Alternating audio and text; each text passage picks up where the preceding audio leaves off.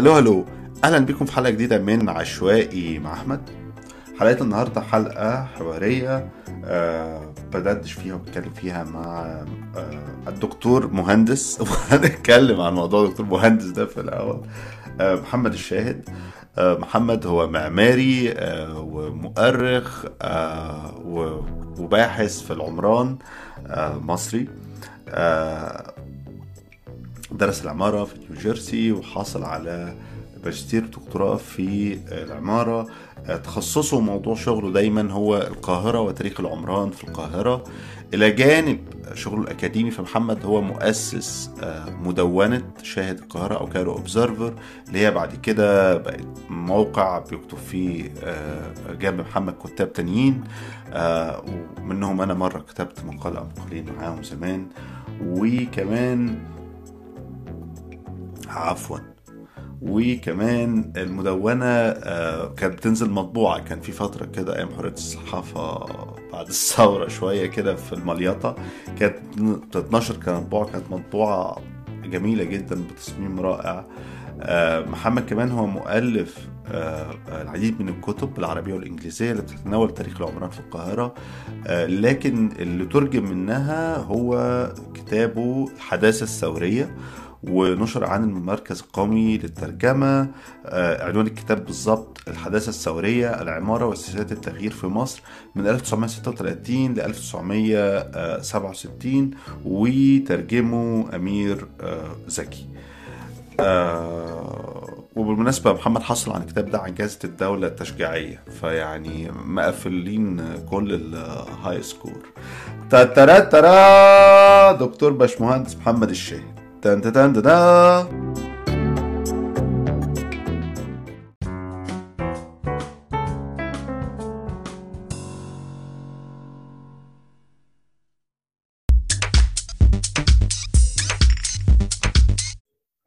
ازيك دكتور محمد؟ أهلا يا أستاذ أحمد. وبعدين أنت ليه ما بتكتبش؟ كنت بحب مغرم أنا من وأنا صغير عارف اللي هو الدكتور باشمهندس ده الميم. أيوه آه لأ دي ده موضوع كبير قوي وبعدين ال field بتاع architecture ما أعرفش الناس عندها كده حب قوي لموضوع الدكتور المهندس دي. بس بالذات بقى يعني بعرف الشخص كده لما بتلاقي مثلا في event فتشوف في ال bios فتشوف مين اللي كاتب على نفسه دكتور ومين اللي مش كاتب. فبحس اللي مش... اللي كاتب على نفسه ده عنده حاجة يثبتها واللي, واللي مش كاتب هو الشخص الظريف اللي ممكن أكلمه. فدول الناس اللي بروح لهم هو طبعا كمان الدكتور مهندس ده بيبقى جمع الحسنيين يعني دكتور ومهندس في نفس الوقت.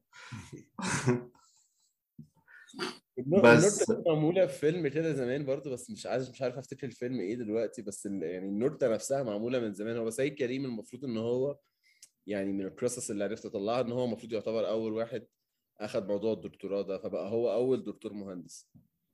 ده هتلاقيه كان عامل لخبطة كبيرة للناس. آه فالمفروض إن دي قصة يعني. ف فأعتقد في الأربعينات كمان فالكلام ده كان في إيه 38 وفي الأربعينات في كده فيلم مش عارف لسه شايفه قريب. في إسماعيل ياسين تقريبا. وفي مهندس برضو في حتة نكتة كده على موضوع الدكتور المهندس ده. طب وأنت لو ما بتحبش اللقب الدال قبل اسمك عملت الدكتوراه ليه؟ علشان اشتري وقت. يعني ساعتها تفضل في العمارة. اشتري وقت وافضل افهم هو أنا بعمل إيه في الدنيا. يعني الموضوع كان بالنسبة لي أبسط شوية من كده إن أنا ما كانش عندي حب للمهنة نفسها. يعني أنا أول ما قربت من المهنة شوية شفت هي عاملة إزاي طلعت الناحية الثانية بس أنا بحب العمارة نفسها. فكان ساعتها في طب سؤال أنت دلوقتي من خلفية تعتبر يعني متواضعة وبسيطة لسه ومهاجر بلد جديدة اللي هي أمريكا اللي أنت فيها دي وما عندكش fallback option هتعمل إيه بعد ما تخلص ال degree بتاعت الهندسة دي. ف ودماغي في حتة تانية كده اللي هو مش عمري ما كنت عايز a reproduce حدوتة معينة. كان ممكن الواحد يخش في سكة تانية و career تاني خالص أو يشتغل حاجة تانية خالص ومعرفش يعني حبيت إن أنا أخترع سكة جديدة. وأنا كنت أول واحد في العيلة الأسرة بتاعتي يعني كمل لشهادة شهادة دكتوراه. هو الأسرة مهندسين برضو عمارة؟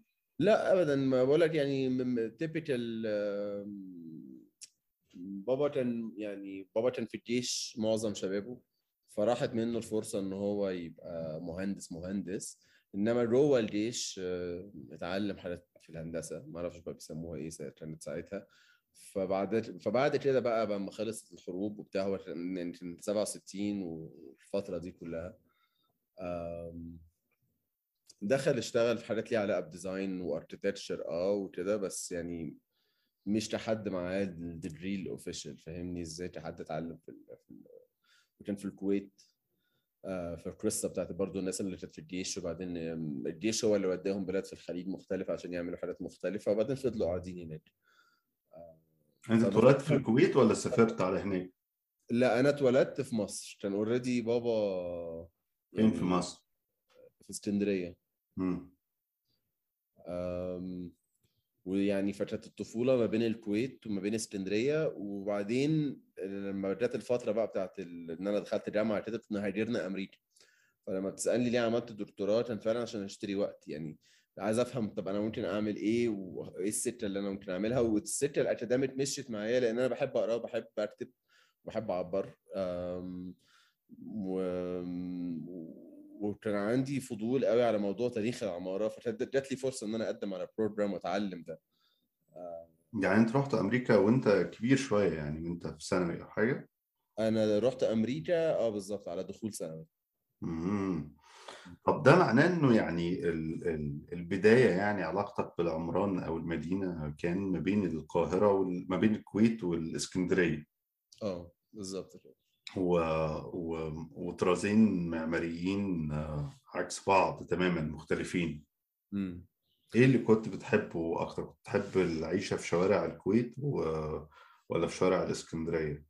أو مش بتحبه يعني اللي كنت شايف إنه إنه جميل أو أنت مهتم تعرف ده اتعمل إزاي؟ آه، اللي أنا كنت باخد بالي منه قوي وأنا صغير هو موضوع الحاجة اللي هي ممكن نسميها زي ال urban form نفسها.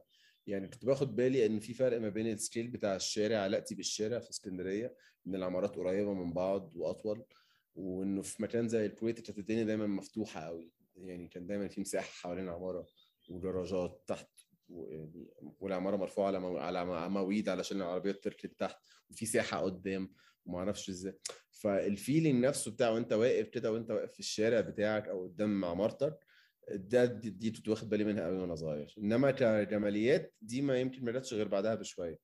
آه، أعتقد إنه كانت عيني متعودة على على الطابع أو الطوابع بتاعت المكانين اسكندرية والقاهرة. قصدي اسكندرية والكويت.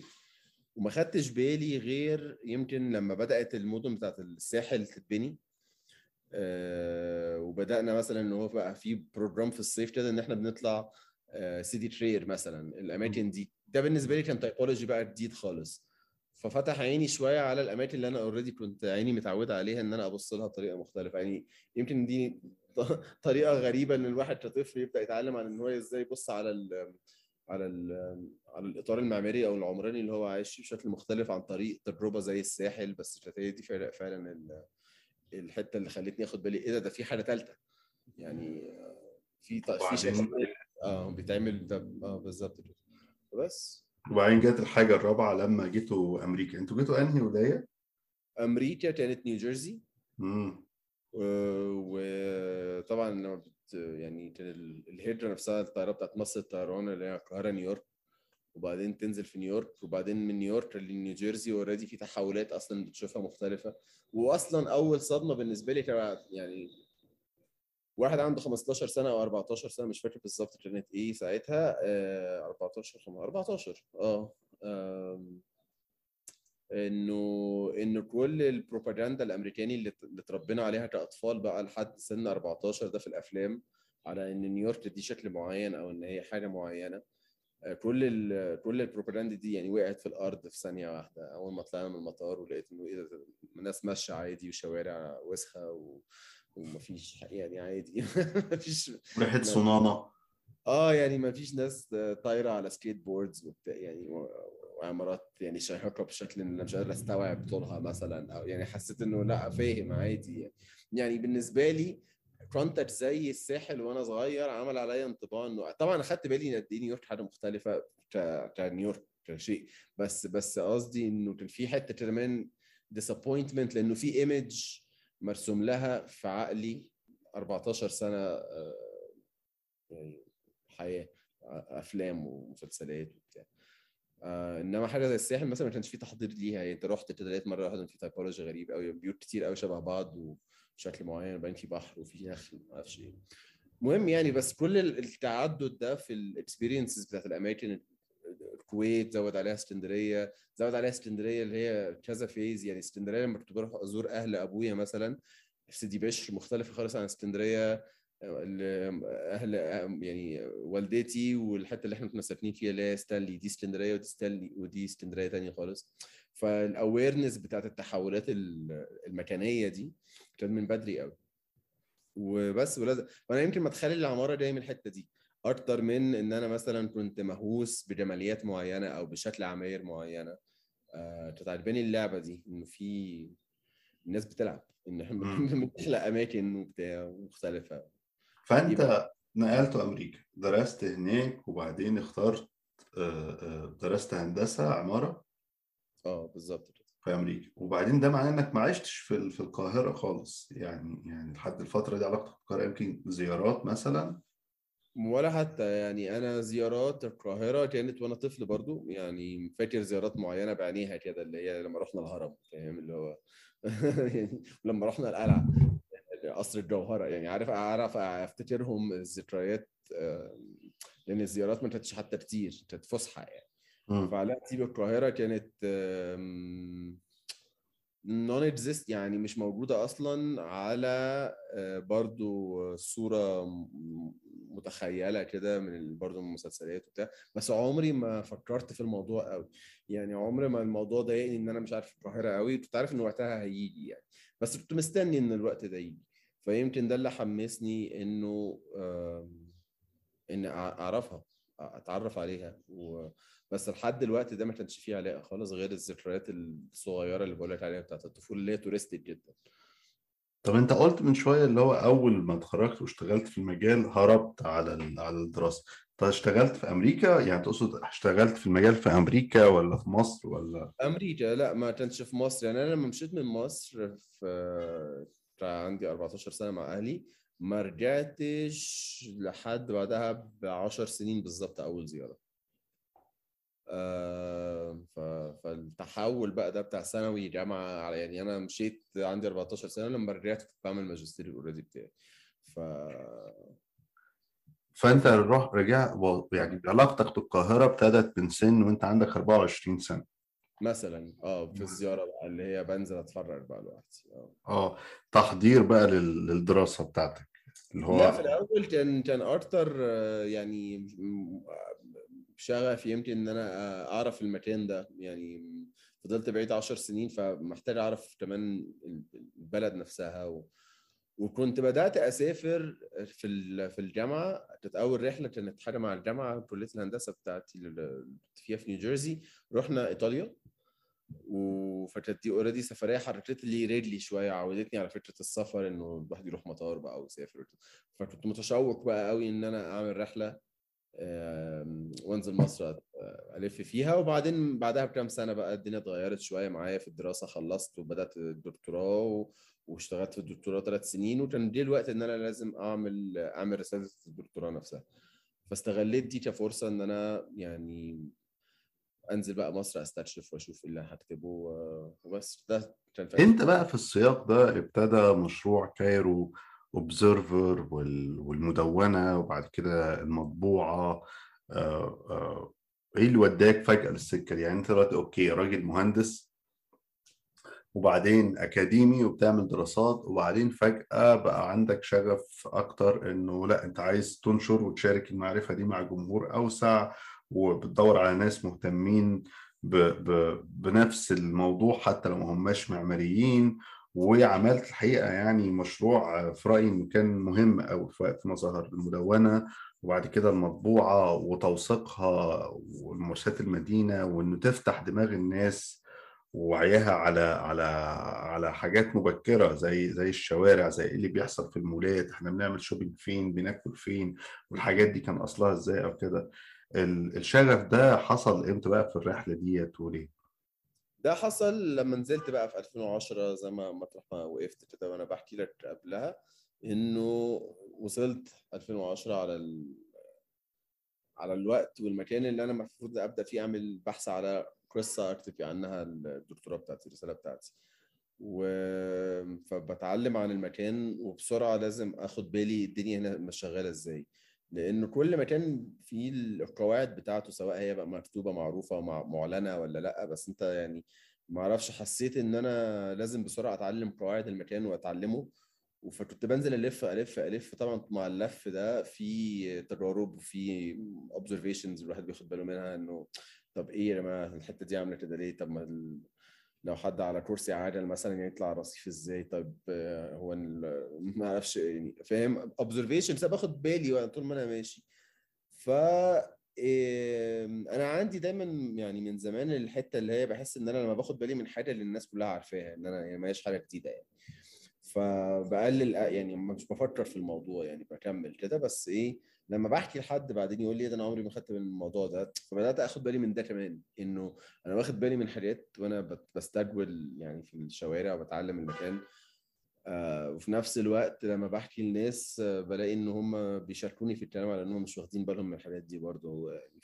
فشوية شوية اتشجعت وبعدين لما قامت الثورة بقى كان خلاص بقى في آه، زي ما تقول environment أصلا بيعزم الواحد إن هو يفتح كلام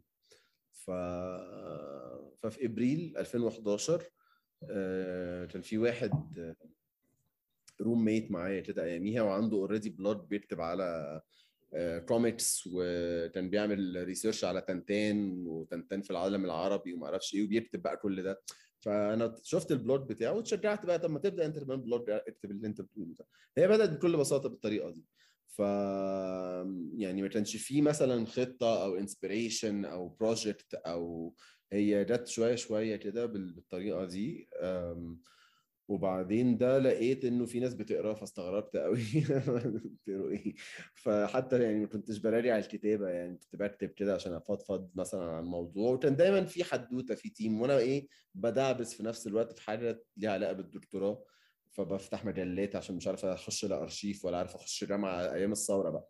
فأيام الثورة المفروض إن أنا أعيش مصر وأجرب مصر وأتعلم مصر وفي ثورة بتحصل وفي دكتوراه وفي funding بتاع الدكتوراه هيخلص ومفيش مداخل على sources وبتاع فبضطر أشتري مجلات وبشوف حاجات في الشارع بس مفيش حتة تتكلم عنها. فكل ده دخل في بعضه فعمل الشيء ده اللي هو بقى كده آه بس. هو إمتى اتكعبلت في سيد كريم؟ اتكعبلت في سيد كريم أنا مش قادر أفتكر النقطة بالظبط بالظبط. عايز أقول إن هو كان قبل ما ينزل مصر. بس يمكن ما ما بقاش شخصية ثلاثية الأبعاد إلا بعد ما نزلت و... لأن كنت عارف إنه في جزء من الأرشيف بتاعه موجود في في, في ال AUC كان لسه واصل ال AUC كان الكراتين لسه مقفولة لسه ما ما أعرفش واصلة إزاي ومحدش حتى فتحها. ف... فلما بدأت ادعبس في الكراتين ده بقى شخص يعني حقيقي. كان قبل كده اسم ومش عارف حتى يعني مش عارف أتع... يعني مش عارف أتعامل مع معاه قوي لأن ما أعرفش عنه حاجة. بس بسرعة لما اتعلمت بقى وأنا بفتح ال- الكراتين بتعلم على الشخصية دي بتشوف كده على تخيل أنت نفسك لما أنت مثلا أنا بتخيل الموضوع ده على نفسي برضه اللي هو أنت لما يحصل لك حاجة وحد يخش حياتك يحطها في كراتين يحط اللي لقاه في كراتين. بحاول أتخيل وجهة النظر دي عاملة إزاي. هو شايف الشخص ده شايفه عامل إزاي؟ الشخص اللي بقى مش موجود في السبيس ده. فأنا بحاول ا reconstruct كده شخصية لقيت ان أنا بحبه جدا. واخد بالي إن هو عنده حتة arrogance برضو كده عنده يعني شايف نفسه بالطريقة اللي بيصور نفسه آه، بالطريقة اللي بيكتب بيها. ويعني فبدات كده empathize معاه. معرفش بقى دي إزاي يعني بس يعني أحس إن أنا فاهمه. مم. فده كان في آه في 2011 يعتبر الكلام ده كله مش عارف لو معظم ممكن ناس كتير تبقى بتسمعنا مش عارفه مين هو سيد كريم لو لو لو تحب تعرفه يعني لو هو حد ما يعرفوش تحب تعرفه إزاي أنت آه، سيد كريم آه، شخصية interesting جدا لأنه آه، عمل حاجات بس كمان القصة ال- الشخصية بتاعته ودخلتها في ال career بتاعه حاسس إن هي بتفكرني بقصص ناس إحنا نعرفها النهارده يعني. ف في ففي حاجة كده exceptional وفي حاجة عادية برضو. بس هي مش عادية قوي بس هي عادية عشان هي مصر. مش عارف أقولها إزاي يعني. بس فهو معماري درس في جامعة القاهرة وتخرج في سنة 32 وبعدين كان طموح قوي أبوه كان وزير أشغال هو من المنوفية. يعني اتولد في القاهرة وبعدين عاش في القاهرة وبعدين حياته يعني. وبعدين لما خلص الشهادة بتاعته في جامعة القاهرة ما كانش فيها ماجستير في الهندسة كان خلاص ثم الأربع سنين. واللي إحنا عارفينه عن الفترة دي إن الإنجليز كانوا متحكمين جدا في في الجامعة على الأقل في قسم العمارة. فجزء من التحكم ده ليه علاقة طبعا بالطلبه بيتعلموا إيه وكان في pressure قوي على إن أنت تتعلم إزاي تبني مثلا طراز أوروبي إزاي تعمل حاجات فأعتقد إن هو كان already عنده friction كده حاصلة معاه في في الجامعة فخليته إن هو عايز يشوف حاجة أكتر في حاجة تانية أكبر. فحب إن هو يروح يعمل ماجستير آه وقدم آه الحتة بقى بتاعت التقديم دي لسه مش عارف أظبطها قوي في الحدوتة لأنه اللي أنا عرفته إن هو راح جامعة في سويسرا. ولما رحت الأرشيف بتاعت الجامعة بتاع الجامعة ده لقيت إن هو لسه في ريكورد بتاعه وعرفت أطلعه وشفته. وشفت إن هو درس سنة كاملة بيدفع مصاريف الجامعة بس مش عارف ياخد أي points أي credits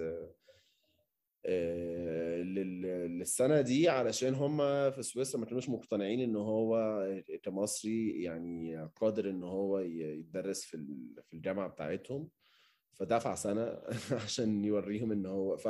فأنا بقول التفاصيل دي لأن أعتقد ال career والشخصية داخلين في بعض بشكل بالنسبة لي ما ينفعش يتفرقوا يعني فهو طبعا ده ده يوضح حاجات كتير. يعني أنا أول مرة اعرف معلومة إن هم في, في كلية هندسة جامعة القاهرة لحد الثلاثينات أو الاربعينات ما كانش في ماجستير. وكان في تركيز على مناهج العماره الأوروبية بس آه الإنجليز كانوا مسيطرين وده كان عامل clash لأن آه. الإنجليز مم. كمان ليهم الطلبة المصريين اللي حابين اللي حابين اللي هم عايزينه يعني قصدي زي أي context تاني إحنا مش بس مش بس بنتكلم على مثلا الطلبة المصريين كلهم عايزين يغيروا المنهج وال واللي بيدرسوا واللي ماسكين الكريسما أو إن هم كلهم على نفس المنهج برضو لأ يعني هو في خليط في مصريين طلبة عارفين يعني فلما بيحصل خناقة غالبا المصريين هم بيتحطوا في وش بعض في الحاجات دي.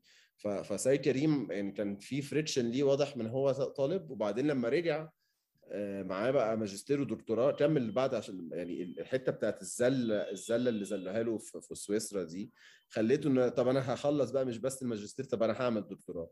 أعتقد هي جت كده. إن هو بيثبت حاجة بما إن أنتوا شككتوا في قدراتي قبل كده. طبعا هو في سويسرا فمصري في سويسرا في الثلاثينات ففي فلوس هنا يعني. فأعتقد دي نقطة مهمة برضو تتقال إن أنت لما بتبقى privileged ومصري في الثلاثينات لما بتروح أوروبا بتتمسح بيك الأرض برضو. يعني قصدي إنه الحتة دي في ال context مهم. المهم إن هو رجع مصر وعمل الدكتوراه والكلام ده كله. وحب يدرس في الجامعة برضه حصل friction كان ساعتها مصريين وإنجليز كله بقى إيه دخل في بعضه في, في, الخناقة دي على على الأفكار بتاعته اللي هم شايفين إن هي دخيلة مع إن هو أصلا اللي بيدرس في الجامعة حاجات تبع European classical design إيه الأفكار بقى اللي هي عملت أزمة في الجامعة له؟ هو كان شايف إنه أي يعني هو الأفكار اللي هو كان بيتكلم عليها جاية له أنا بدي حتى يعني متشقلبة شوية لأنه بيتحكي دايما عن المعماريين اللي جابوا اللي بيتسمى طراز حديث للمناطق اللي هي عربية أو غير أوروبية أو غربية. بيتسموا دايما في الحدوتة الغربية عنهم لما بيتذكروا يعني وفي الحدوتة اللي هي برضو زي ما تقول وطنية شوية عندنا. الاثنين بيحكوها بنفس الطريقة إن الشخص ده جاب حاجة من بره. يعني الأوروبي عايز يحكيها بالطريقة دي عشان يقلل من قيمة اللي جابه والوطني عايز يقول إن هو جاب حاجة من بره عشان برضه يقلل بقيمة اللي جابه عشان هو عايز حاجات أصولية أو حاجات بأشكال يعني يعني تاريخية أو فالنوع ده من الشخصية مرفوض في الحدوتين. أعتقد دي برضو نقطة مهمة لأنه اللي هو كان بيقوله بالنسبة لي مش جاي من مش إن هو جاي من فكرة إن هو بيستورد أي حاجة. يعني أنا اللي أنا كنت بقوله لك عن تجربته في سويسرا ده واحد بيتخانق. يعني طول السكة في صراع إن هو يتقبل إن هو يقدر يكمل إن هو يتاخد سيريسلي إنه فهو ما راحش مثلا واستورد لنا شوية كيلو محادثة وجابه وجابه معاه يعني هو راح مر بحاجات صعبة ومش ظريفة ويعني بتاع. فما ما اعتقدش واحد هيجيب اللي هو شايف إن هو مش بتاعه ك ك كرؤية للعمارة اللي هي الحديثة. لو هي شايف إن هو مش بتاعته مش هيجيبها من التجربة اللي هي كلها خناق مع الناس دي. متهيأليش يعني إن هي هتيجي كده. فهو كان شايفها بطريقة تانية خالص. هو شايف إن العمارة محتاجة تتحرر من الحاجات اللي الأوروبيين بيعلموها في الجامعة على ده اللي هو شايفه اللي هي حاجات ليها علاقة بالكلاسيك الأوروبي. شايف إنه أي كرانيش أي حاجة زيادة محطوطة على على المبنى ملهاش أي معنى. لأن هي كده كده مش بتضحك على الناس الناس كلها يعني هو عنده كده حاجة كتبها في أول عدد بيقول على البلكونات اللي بيبقى تحت منها زي براكت كده متزوق. فبيبقى عادة جبس.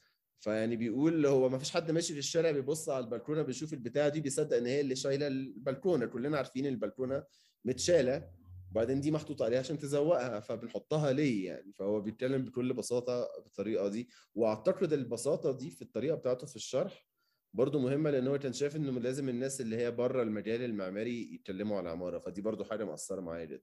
يعني هو كتب في شوية كان كان باو هاوس؟ يعني الشكل ممكن الناس يت- يتقال عليه كده بس يعني لو أنت مش متخصص كمان لأنه أعتقد إنه أول ما هتركز شوية في التفاصيل هتلاقي إنه لأ مفيش. يعني ده حاجة وده حاجة كل واحد بيعمل حاجة. بص هو موضوع الطراز ذات نفسه ده topic أساسا هو سيد كريم مش مش يعني مش موافق عليه. وهو موضوع الطراز برضو ده intervention من وجهة نظري في ال art history جاي من الأوروبيين علشان هم مقتنعين انه في الماضي والحاضر والمستقبل ده حاجات بنقطعها كده من بعض بالسكينة. فعلشان نعمل التفرقة دي لازم نبدأ نصنف الفترات فبنديها اسم وهنروح لامين شوية مباني يعني يمكن ما كانش ليه أي صلة بيهم في بعض إن إحنا نحطهم في بعض. ونسميها إن هي style واحد أو فترة معينة أو كذا كذا فهو الموضوع كله مصطنع من مؤرخين بعدين بيبصوا لورا. فهو سيد كريم مش جاي من الحدوتة دي خالص. زيه زي أي حد تقريبا بيمارس عمارة خارج الفكر الأوروبي أو مش متواصل مع الفكر الأوروبي بشكل يعني direct أو مع النقاش ده. فليه إن موضوع الطراز مش هيبقى حاجة مهمة بالنسبة له أصلا. وده عكس خالص برضو الحدوتة المتو... اللي بتت... يعني الناس بتقولها دايما إنه فكرة إن العمارة هي طراز. لا العمارة مش طراز. يعني هو واحد زي سيد كريم بيقول بكل بساطة إنه العمارة هي حل مشكلة. أنت عندك عيلة عايز تحط فوقها سقف وعندك مبلغ معين عايز تبني بيه بيت عندك مواد معينة عايز تعمل بيها أوضة. فهي حل الحاجات دي. أنت بتحل. هو شايفها كده. آه، بس. جاء جاء بعد كده. هو كمان جاء في هو قلب الصراع ده فجأة جت 52 صار 52 والجمهورية ال- الجديدة وإعلان الجمهورية. وده شيء برضو يمكن أنت تصلح تحس كده إنه فجأة في الخمسينات آه، آه، يعني السلطة لأن هي وقتها هي كمان قررت إنها تاخد المهمة بتاعت أنا آه، نازلة أبني يعني عايزة أبني مدارس ومصانع وإسكان عمالي ومشاريع سكنية ومش عارف إيه وكذا. وتم إفساح المجال لأسماء كتير معماريين يعني سواء من مدارس سواء زي حسن فتحي أو سيد كريم أو بخوم أو إلى آخره وإلى آخره. ال ال في وسط دول وهم والناس دي يعني المجموعة ديت هم شغالين. كان في دايما كمان النزوع إلى إنه آه، أنت عايز تنتج عمارة آه، مصرية. ولما بيتقال ما بنخش سؤال الهوية في العمارة فبيبقى حله إنك بترجع لل... لل... للماضي يعني بتيجي تاخد تفاصيل وتحطها تدمجها في ده. المراحل المبكرة لسيد كريم يعني في الفترة دي بيبدو إن هو بعيد عن المسار ده. هل هل ده صحيح؟ آه آه، سيد كريم كان بعيد عن المسار ده تماما لأنه يعني في آه، في بيروت في حاجة اسمها ال Center for Architecture ماسبرو أو أسسه حد اسمه جورج عربيد. بيقول حاجة ظريفة جدا إن هو في ن- ممكن نبص لتاريخ العمارة على انه هو يعني آه، عمارة حديثة بتاع كل زمن بتتراكم بس هي في وقتها بتبقى دايما هي الحديثة. يعني يعني وإن شالله بصيت لأي قرن لورا اللي بيتبني النهارده في وقت ما هو ده الحديث بتاع النهارده في المكان ده. آه ف ف فكأنه بي flatten شوية ال ال ال فكرة التاريخ العمارة اللي هو زي ما كنت بنقول كده متقسم بأنواع الطرز المختلفه على إن هو بيقول إنه ممكن نبص لها على إن هي دي العمارة الحديثه بتاعت الفترة دي في المكان ده بعدها دي الح- الحديث اللي بعده بعدها الحديث. فكله حديث في زمنه وهو كله ال latest في زمنه. فسيد كريم يعني يمكن مقتنع بحاجة شبه ده شوية إن هو شايف إنه حتى لما هتبص لورا في العمارة اللي الناس بتنقي منها بقى أشكال وبتاع بيقول هو إنه في مكان معين القوس اللي كان بيتبني آه، كان ليه مقاسه وشكله في النهائي اللي هو بقى بعدين الناس بقت تبص له على إنه طراز. هو أصلا التكوين ده حصل بسبب استخدام مادة معينة والعوامل ال- ال- ال- اللي هو البنا اضطر يتعامل معاها علشان اضطر يعمل القوس. يعني هو إنه إنه الحاجات دي ما كانتش بتبقى مثلا اختراع كده جاية من نفسها وبتتنفذ. يعني إن هو في أسباب ليها علاقة بحل المشكلة إن أنا عايز اعمل فتحه باب هنا وعندي ماتيريال ما ينفعش أخليها تعمل كروس اوسع من كده وإلا هتقع على نفسها مثلا. فهو بيقول الحاجات اللي إحنا بنشوفها على نية طراز النهارده هي كانت حلول. آه، فمعنى كده إن إحنا لو نبص بالنظرة دي على النهارده والنهاردة مثلا عندنا مادة جديدة اسمها آه، كونكريت مسلح يبقى هنشوف المادة دي هتقدر تحل لنا المشاكل اللي إحنا عايزين نعمله إزاي بأحسن طريقة. فبس فهو الشكل النهائي بقى ده هو ده اللي انت ممكن تسميه طراز بس هو انت ما وصلتلوش عشان تبقى بتعمل طراز. فهو كان دايما بيزق في الحتة دي. فعشان كده مثلا كان في أعتقد خناقة بس حاجة زي كده تثبتها إزاي بقى؟ يعني من غير يعني حتى لو في أرشيف هتثبتها إزاي؟ ان في خناقة مثلا ما بين حد زي سيد كريم وحسن فتحي إن هم مش بيحبوا بعض. ان هم مم. عارفين بعض وعارفين بعض وعارفين طبعا. شغل بعض وده مش بيحب ده مثلا وحاجات زي كده لما إحنا بنعيشها بنبقى جواها بتبقى دراما بقى واخدة أيام وأسابيع والناس وبتتكلم وبتاع بس انت دلوقتي جاي بتبص لها وعارف من ملامح الموقف كده وملامح الشخصيات إن هم أكيد كانوا عارفين بعض وأكيد بما إن اللي هم قالوه وعملوه ان هم مش طايقين بعض. يعني استحالة الشخصين دول كانوا متفتحين قوي لدرجة إن هم بيحبوا بعض. وشفت مرة في ورق ال- الحاجات بتاع سيد كريم اللي في ال AUC invitation كده الحاجة حاجة ليها علاقة بحسن فتحي و... وكان شكلها مقفول كأنه مثلا ما راحش أو ما فتحهاش حاجة زي كده مش فاكر إيه اللي خلاني ما راحش يعني أصلا ولا فتحها. ف إيه ابرز المشاريع؟ هما الاثنين برضه ابتدوا يشتغلوا جامد في الفترة دي يعني ال legacy بتاعتهم اتشكلت في في الفترة دي. إيه ابرز المشاريع العامة اللي اشتغل عليها سيد كريم في الفترة دي؟ الفترة بتاعت عبد الناصر كانت آه، الحلو والمر بالنسبة لسيد كريم الاثنين في نفس الوقت وكانت قصيرة جدا. يعني هو في 45 كان عامل عدد من مجلة العمارة ودي من الحاجات اللي أنا نسيت أقولها وأنا بعرفه إن هو مهم عشان هو عمل المجلة دي لما نزل مصر من في 38 أسس المجلة من 39 وفضلت شغالة حوالي خم- 20 سنة لحد مم. لحد فترة الخمسينات دي بس الأعداد في الفترة بتاعت الخمسينات أقل بكتير من الأعداد في الفترة مثلا بتاعة آه، الأربعينات مثلا. هو في عز الحرب العالمية كان عارف يطلع أعداد أكتر من بعد ما الدنيا اتفتحت معاه وبدأ يشتغل مع الحكومة ويبني أكتر مم. المجال نزلت. آه، فغالبا يا إما كان عشان مشغول أكتر أو كذا بس المهم إن دي من الحاجات المهمة اللي هو عملها. كان في عدد في 45 بيتكلم بشكل كده واضح إن هو هو عامل العدد عن الخديوي إسماعيل وكأنه بيعمل ارجيومنت كده من الأول خالص إنه الراجل ده عظيم عشان بنى مدينة عظيمة. فاحنا بندور دلوقتي في المدينة اللي بقت مش عظيمة قوي على راجل عظيم تاني آه، يعمل حاجات زي ما مم. إسماعيل عمل. يعني ده كده خلاصة العدد كله يعني. آه، وعامل في الأول كده زي إهداء للملك فاروق وبتاع. فواضح إن هو بيدور على client هو عايز حد يجي يقول له تعالى ارسم القاهره من الأول وجديد وفعلا من قبل أصلا ما ما 52 تتبلور وتحصل أحداثها من يناير وطالع كان already هو شغال على urban plan للقاهرة كلها من غير ما حد يطلب منه. لأن هو already من اواخر الاربعينات آه، من 47 48 كان جاله commissions إن هو يعمل visions أو خطط مخططات يعني أو أفكار جديدة للتمدن العمراني لمدن زي آه، بغداد ومدن زي آه، دمشق. فقال لك طب ما اعملش لمصر ليه؟ فكان في already proposal بيتبني أو بيترسم لإيه اللي ممكن يبقى مستقبل القاهرة من قبل ما الحكومة تطلبه لأن هو في نفس الوقت بيدور على client كبير علشان يقدر ينفذ حاجة بال scale ده اللي هو ما ينفعش يبقى غير الحكومة بس أياميها بقى ملك هل هل صحيح إنه إنه هو اللي عامل مدينة نصر؟ آه ده صحيح هو مدينة نصر يعني صعب قوي إني أقول هو اللي عاملها بس يعني الفكرة ال- اللي في الأساس اللي على أساسها اتعملت حاجة اسمها مدينة نصر الفكرة هو اللي عاملها. هل اتنفذت الفكرة بتاعته؟ لا ما اتنفذتش. يعني في منها ملامح صغيرة جدا اتنفذت بنفس وجهة النظر بتاعته أو الرؤية بتاعته. بس آه، المشروع كان إيه أساسها الرؤية دي؟ آه، آه، اولا كذا حاجة. إنه إنه إحنا بنبني مدينة من يعني في نفس الفترة خلي بالك اللي اتعملت فيه مشاريع بنفس السكيل ونفس الرؤية. في الهند وفي البرازيل. ال- ال- وفي مدن وبلاد تانية في نفس الوقت. بس يعني دول الاثنين مثالين ال- ال- على الوش المية قوي اللي الناس كلها عارفاهم. إن هي فكرة إن إحنا بنبني مدينة على أحدث أفكار التصميم العمراني آه، من الصفر من غير ما يبقى فيه أي حاجة في ال site قبل كده. يعني مش أي حاجة تاريخية أي حاجة بتاع. وعادة في أماكن جديدة خالص مفتوحة. وإنه آه، الحياة بقى دي هتبقى متقسمة مثلا إنه المعيشة إن أنت بتعمل لها السوق بتاعها وبتعمل لها ال public spaces بتاعتها بتعمل كل حاجة. فأنت بتعمل في وجهة نظر كده لسيد كريم إن هو أسهل في الحالة دي إن هو ينفذ الحاجات اللي كان نفسه يشوفها في القاهرة بس عشان القاهرة متشقلبة فوق بعض وعلشان ما اتدمرتش في الحرب العالمية الثانية فبالتالي ما بقاش في فجوات لازم تتصلح. فالأفكار اللي هي بتاعت مستقبل المدينة ده لازم تتنفذ في حتة مفتوحة بره.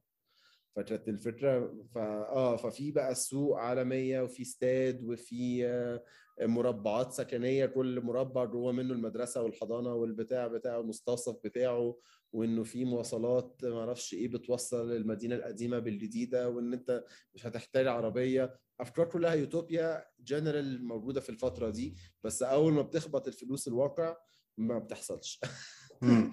أول وأول ما بيخبط الواقع بتاع ال ال ال إنه رؤية المعماري وبعدين النظام السياسي اللي هو المفروض والاقتصادي اللي هو المفروض ينفذ الرؤية دي بتبان بقى ال- الفروقات بتحصل الخناقات وبتحصل ال... طب ما نخفف دي طب ما نشيل دي طب ما نقلل من دي طيب ما يجي مهندس تاني يعمل دي.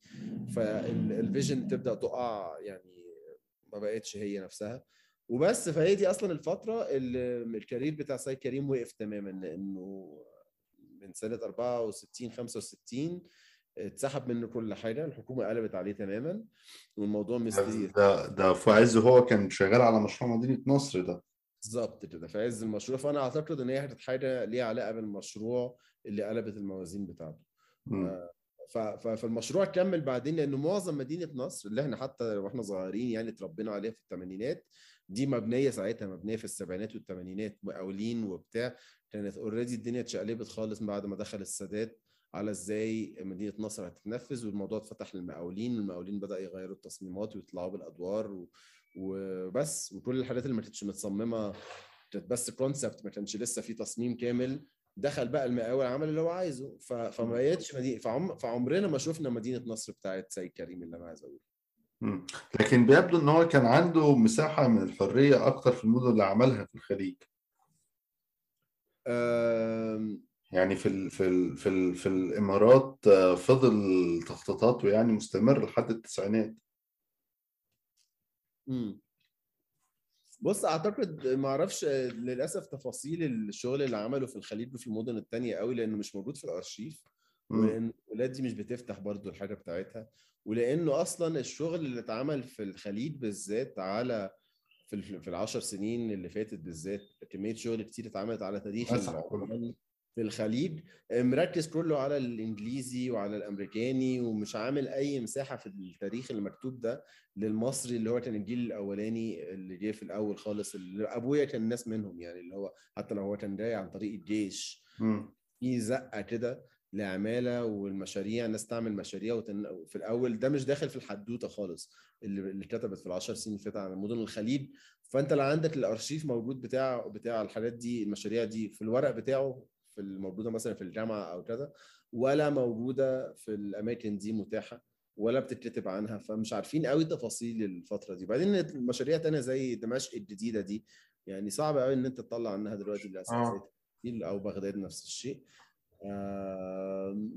بس اللي أقدر أقوله إنه يعني أعتقد اولا إنه بما إن المشاريع دي اتعملت آه، والبروبوزلز دي اتعملت في ال 46 47 وإنه الحكومات دي كلها كانت بتمر بحالات مختلفة سياسيا آه، كان في مثلا في الحالة بتاعت العراق رغبة للتعمير بشكل معين. فأعتقد السلطة مع الفيجن الكاملة بتتنفذ بشكل معين في مشروع سياسي زي اللي كان بيحصل في العراق اللي هو كان حاجة مختلفة خالص عن الموقف في مصر بتهيألي مش متأكد. بس ما أعرفش يعني المشاريع دي ما عندناش تفاصيل عنها كفاية للأسف. دلوقتي بيبدو بقى إنه فكرة إنشاء المدن مش بس يعني في مصر يعني يعني يعني حتى في في الدول العربية تانية وفي العالم كله ما عادتش مشاريع بتطلع من معماريين. ده بقى شغل شركات كبيرة آه زي ما بيقولوا يعني المطور العمراني المصطلح الجديد اللي ظهر آخر كام عقد يعني. و... وما بتفهمش ابدا هو إيه يعني المطور العمراني ده. و... و... وبتحس ان الرؤية آه يعني أنت مش قادر تميز مثلا يعني أنت بتتفرج على الإعلانات بتاعت التلفزيون الحاجات اللي بيعملوها في مصر دلوقتي أنت ما بقدرش أميز مثلا إيه هو إيه الفرق بين مدينتي و Spring Valley تمام و Holy Mountain و Beverly Hills والحاجات كلها بتبقى شبه بعضها. إيه اللي حصل في في السوق في مصر أو في العمارة في مصر؟ اختفى خلى يعني النفوذ المعماريين ده دول يختفي والسوق يتغير بالشكل ده. أه بص هو حاجة خلينا نرد من من حتة تانية خالص من أمريكا مثلا. أمريكا نفس الشيء. يعني أمريكا دلوقتي عشان بس بس في يمكن سوء تفاهم إنه في حاجة كده إحنا عندنا عقدة قوي من الفترة النصريه كمجتمع. يعني الناس ما مش عارفة لسه لغاية دلوقتي إزاي عن الفترة دي. فيا إما اللي بيكرهها قوي يا إما اللي بيحبها قوي. فأي حدوتة بتاعت شخص بقى مش مهم هو مين زي سيد كريم أو غيره في الإطار ده هتخش فيها دايما البريجيدس بتاعتك أنت بتحب عبد الناصر ولا لأ؟ فعت فيبقى هو ده المفتاح اللي هتحكي بيه كل حاجة. مظبوط. خلينا ناخدها من حتة تانية كده عشان بس قبل ما نقول إن إن مثلا الثورة أو أو النظام بتاع الخمسينات هو اللي مسح مثلا هوية المعماري من ال projects وده استمر بعدين. أمريكا النهارده يعني عايز أقول 90% من اللي بيتبني حاجات ملهاش ملهاش هوية معمارية بمعنى إن هو ال design already موجود. وده ليه علاقة بال corporate structure يعني عندك شركة مثلا بت flatten أمريكا دي من المحيط للمحيط الشركة دي لما هتيجي تفتح warehouse أنت متخيل إنها هتروح لمعماري تقول له اعمل لنا design warehouse جديد؟ هو already عامل 20 warehouse قبل كده. فبياخد نفس ال warehouse يعمل له copy paste عايز يفتح location جديد هو عنده already اسطمبات بتاعة المطاعم بتاعته 12 تصميم جاهزين. بيعملهم copy paste مش مهم هو في نيوجيرسي ولا في نيفادا. مش مهم في snow ولا الدنيا شمس نار. مش مهم هو في فلوريدا ولا ما أعرفش فين. هو نفس. هو الماكدونالدز عندك 12 option هو ال Kmart عنده بتاع. فال corporate structure اللي هو أصلا جاي وعامل وخالق political structure معين علاقته بالمهنة العمارة في أمريكا ودي من الأسباب اللي أنا كطالب ما حبيتش إن أنا كطالب مهاجر من خلفية متواضعة ما حبيتش إن أنا أخش السكة دي مهنيا لأنه مش جايبة حقها. المعماري في ال scale بتاع ال pay scale بتاع بتاع أمريكا من أوطى ال professions اللي بتبدأ يعني ال base salary أياميها كان حاجة زي مش عارف 30000 دولار اللي هو بالنسبة لأمريكا ده كان يعتبر واطي جدا. حتى أقل من 30 اللي هو كان مش عارف 28 في, في الفترة دي معماري إن أنت بتاخد خمس سنين دراسة بعدها تقضي سنتين بتشتغل عند حد نص السعر تقريبا أو ببلاش عشان تاخد شهادات تانية مهنية. مكلفه جدا علشان في الآخر. ف... ف... فالمعماري ملوش أهمية في المجتمع وده مجتمع المفروض اللي هو الاقتصاد الحر الرأسمالية بتاع الجليتس بقى والاشكال والبتاع لا هي 99 والهاوزن نفس الشيء كل حاجة اوريدي فهتلاقي إنه الاسطمبة دي موجودة في كل ليه بقى؟ أنا أعتقد إنه ده بيرجعنا لحاجة كده إنه أصلا الهوية بتاعت المعماري كفنان أو إن هو شخص مجتمع دي أصلا هي الاكسبشن أنا أعتقد ما كانش ده العادي يعني.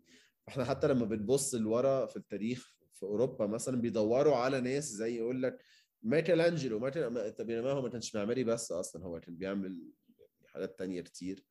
والهوية بتاعت إن أنا معماري مثلا دي حاجة مخترعة جديدة جدا وفترتها الزمنية قصيرة.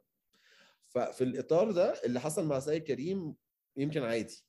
أو اللي حصل مع معماريين المصريين عادي إن هم طلعوا أصلا من نظام كولونيالي جوه الجامعة وفي العيشة في مصر أصلا عامة. دخلت فيهم ثروه طلعت أو انقلاب طلعت إن هي أصلا فالص ولا هي كده. وعايزين يشغلوا ناس علشان يشغلوهم بحاجة تانية. وطموح ناس دخل في انتهازية ناس في النظام السياسي الجديد. عملوا شوية مشاريع لفترة معينة بعدين الفلوس خلصت. ودول فشلوا ودول فلسوا ودول اتشالوا يعني فاهم؟ وحاسس إن هي ده ده حدوتة العمارة في الفترة دي في مصر. ففي النص اتخذت في الرجلين معماريين زي ما زي سيد كريم اللي هو اتسحب منه مكتبه اتشال منه ورقه واتحبس في بيته. آه وكويس إن هو اتحبس في بيته يعني غيره كان بيتحبس بقى في في السجن يعني. فاتحبس في بيته وال career بتاعه وقف وبعد ما عمل شوية مشاريع private وحاجات للحكومة لفترة معينة وخلاص على كده آه والمهنة نفسها عمرها ما recovered من من النقطة دي. يعني عمرها ما فاقت من النقطة دي. لغاية دلوقتي المهنة في نفس الحفرة دي مش عارفة تطلع منها. فأهمية المعماري في كل المشاريع اللي أنت بتشوفها جديدة دي ماشيه على نفس الموديل اللي هو الراسمالي اللي هو بيحب ال copy paste عشان أرخص عشان أقدر أعمله بسهولة وعندي التصميم already مش محتاج كل مرة أحب أبني حاجة أجيب معماري يعمل لي ما أعرفش والموضوع بيتحول لشكليات فبنغير الألوان بنغير الإزاز. آه، مش محتاج معماري عشان ده. مش محتاج تعمل منه شخصية وتعمل منه سيلبرتي ملوش مكان في التركيبة دي. وبس. ولأنه أصلا بناء البيت كمشروع ما تحول يعني تحول من إن هو يعني لحد مثلا جدودنا يعني لو لو أنت مثلا جدك كان موجود في العشرينات مثلا لحد الفترة دي كان عادي قوي الطموح بتاع إن أنت بتملك بيتك حتى لو أنت متواضع أو يعني فكرة إن أنت بيتك التحول بتاع إنه ده مشروع اقتصادي إن دي سلعة ده غير تماما في في كل حاجة في التركيبة كلها بتاعت البيت ده بيتبني إزاي. آه، بس فالمعماري ملوش مكان في الح... في اللي إحنا بنتكلم فيه دلوقتي. حتى الحاجات اللي بتتبني برايفتلي اللي هي كلها كرانيش وعواميد من بره دي وبتاع برضه هتلاقي يعني معماري اتحط يعني اتقال إن هو رسم الرسومات وعمل البتاع بس هو في الآخر عمل واجهة بتتلزق كده ب units already معمولة mass production بتاع الجبس. هو بس بيروح ينقي المثلث ده مع الدايرة دي كده وبتاع.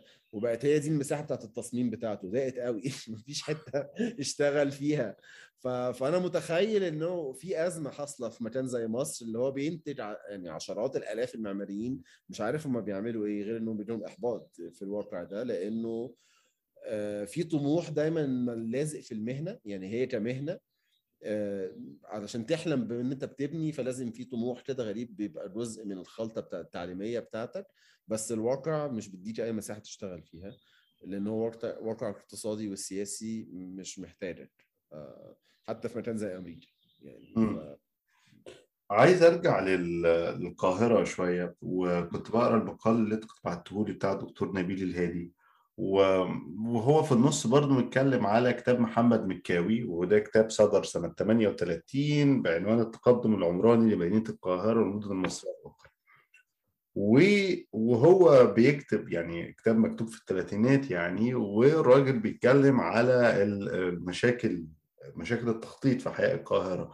غياب الضوء والهواء والشمس وإنه ما فيش تنظيم عمراني وإنه الشوارع كمان بيتكلم على شوارع أنشئت وطورت في عهد إسماعيل في مشروع وسط البلد يعني مشروع قاهرة إسماعيل. وبيتكلم إزاي إنه في وقتها يعني في حاجات أساسية لم تراعى زي تخطيط الشوارع في شارع بورسعيد وإلى آخره وتهيئة ده عمل تكلفة ضخمة. والحقيقة كنت والحقيقة إنه يعني ب... لما بنبص كده على تاريخ العمران في المدينة دي اللي هو كله يقول لك يا القاهرة ألف سنة ومدينة بطبقات جديدة ومدينة عمالة بتتوسع وبتنفجر. خلاص يعني كمان كام سنة هتوصل لحد البحر الأحمر أهوت. آه بي... هو يعني هو فاكر إنه هيروح يعمل عاصمة إدارية وجبل جلالة والناس بقى تركب مواصلات وتروح له هيقعد يتبنى. يعني أنا أصلا حضرت 6 أكتوبر ابتديت أعيش في 6 أكتوبر مثلا 2002 تمام؟ فشفت 6 أكتوبر يعني والله العظيم من أول سنة 6 أكتوبر كان كنت ساكن في حي كمان بعيد في الحي ال 11 كنت أشوف بني آدمين يعني عدي أسبوع ما أشوفش بني آدمين.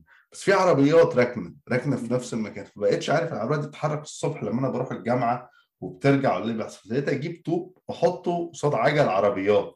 عشان أعلم هو في ناس ولا ده ديكور كله وده ترومان شو ولا إيه اللي بيحصل. بس شفت بقى أول ما أنا عايش في 10 سنين يعني من حرب 6 أكتوبر شفت 6 أكتوبر دي بتتملى وبتعمل والطريق اللي كان من 6 أكتوبر لحد المهندسين تمام كان شريط كده بتعدي وسط مزارع نخل وصحراء وبتاع. اتملى خلاص تجمعات سكنية ومساجد ومش عارف إيه. فهو القاهرة هو هو بيسحبها بيشدها هناك فاكر انه هيعمل عاصمة هتتمدد لحد هناك. بس في كل التجارب دي والحاجات حتى اللي إحنا بنقف عليها دلوقتي نقف قدام وسط البلد وانقذوا تراث وسط البلد. كل المشاريع ديت انشئت بنفس السيناريو اللي هو زي ما كتب سيد كريم المقال اللي كنت بتتكلم عليه اللي هو رجل قوي.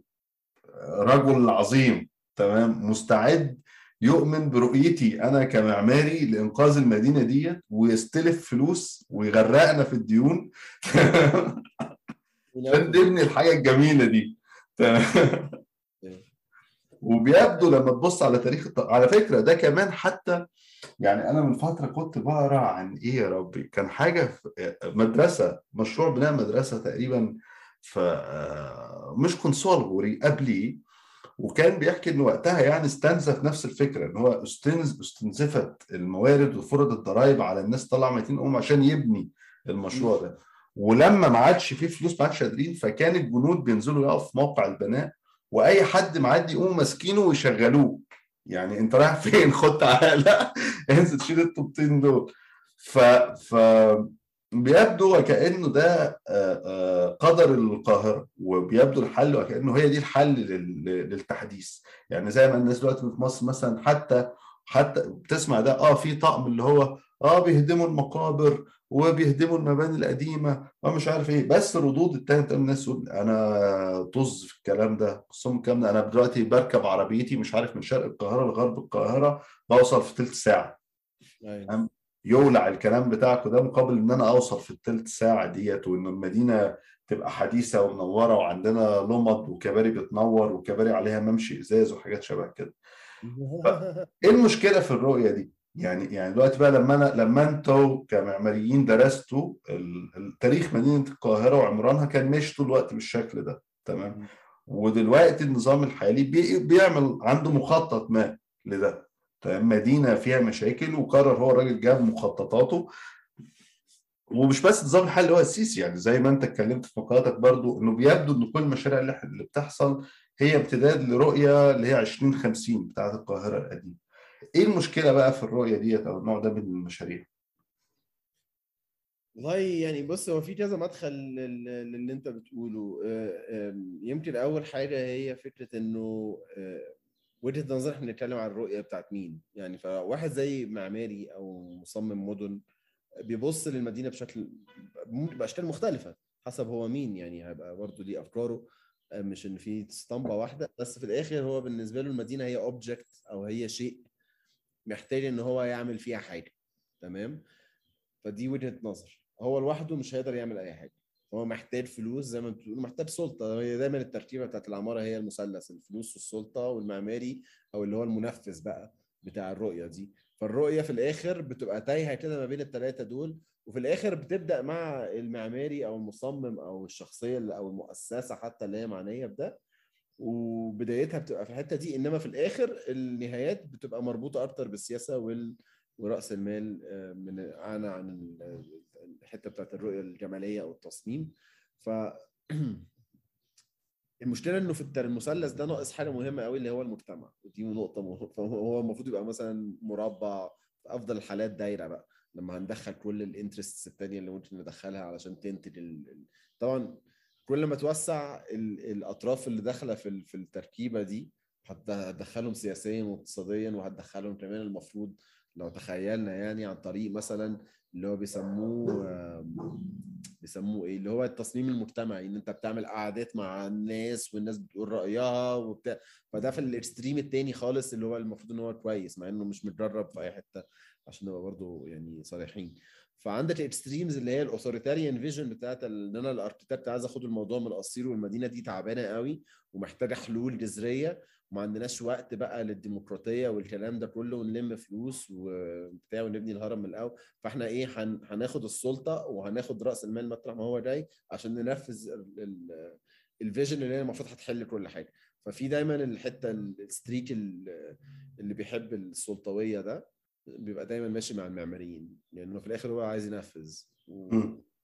وده اللي بنشوفه بقى بيعيد نفسه يعني بقى له 200 سنة كده عامل زي العجلة في كل حتة في العالم تقريبا بتعيد بشكل مختلف جدا. وأعتقد ده علشان نفهمه لازم نبص على النظام الاقتصادي والسياسي اللي إحنا كلنا عايشين فيه لأن هو فعلا بيأثر على كل حاجة حسب المكان فين لحد التفاصيل بتاعت القرية في حتة مع الناس مش عارفة اسمها أصلا. يعني مش بنصدق إنه في علاقة بس هو في علاقة. يعني أنا بحاول أتخيل لو غير رؤية إن المعماريين تبقى مختلفة مثلا. تخيل إنه السكول بتاعت حسن فتحي هي اللي كسبت مثلا في الفترة بتاعت الأربعينات. هو عمل القرنة بتاعته في 45 ده بدري قوي. فيعني من 45 لحد 2000 مثلا كان لو كانت الرؤية دي هي اللي تبنتها الدولة كان زمان مصر كلها قبب وبيوت طين مثلا. لو لو هي الدولة ماسكها حد جاية معايا كده. فقصدي الشكل مش هو الناس بتركز دايما على الشكل.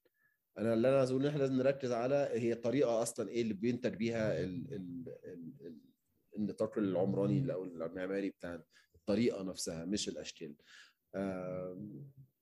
فالمشكلة في ال في ال في ال proposals اللي من النوع ده القاهرة 50 2050 حتى ال proposal بتاعت سيد كريم نفسه سيد كريم في في الأفكار بتاعته في أوائل الخمسينات غير المدينة جديدة خالص اللي بتتعمل في الصحراء اللي هي بعدين اتسمت مدينة نصر. كان عنده أفكار للقاهرة نفسها. كان برضو فكرة إن إحنا هنعمل سبع ميادين مركزية متعددة الأدوار فيها جراجات وفيها مواصلات. فأنت المفروض إن أنت مطرح ما أنت بتكون بتسيب العربية وبعدين بتنقل على مواصلة وبعدين في تلفريك وبعدين في أنفاق ما أعرفش بتوصل إيه. وهم سبع ميادين هنحط واحد هنا واحد هنا واحد هنا. ولا نيوم يا أخي. إيه؟ ولا نيوم. ما هي الأفكار دي بقولك يعني فيها حالة copy paste و reproduction وأعتقد انه ده بيحصل لأن الناس دايما متخيلة إن هو جابها من جاب الديب من ديله. يعني إن هو أنا خدمتها والله في واحد جابها زيك بالظبط من 40 سنة ومن 60 سنة ومن 80 سنة وفي نفس وبس بس أنتوا بتعيدوا وتزيدوا في نفس الحتة. وده يمكن يعني نقطة جانبية كده على أهمية إن إحنا نبقى عارفين تاريخ المهنة وتاريخ العمارة والعمران على شكل واسع شوية عشان إعادة إنتاج نفس الشيء ده اللي عمالة مش بتخلص.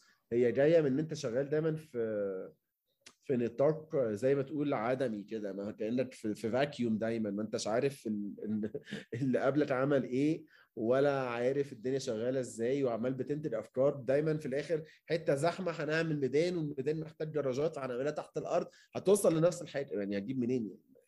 إيه المشكلة بتاعت إن المهنة متخيلة؟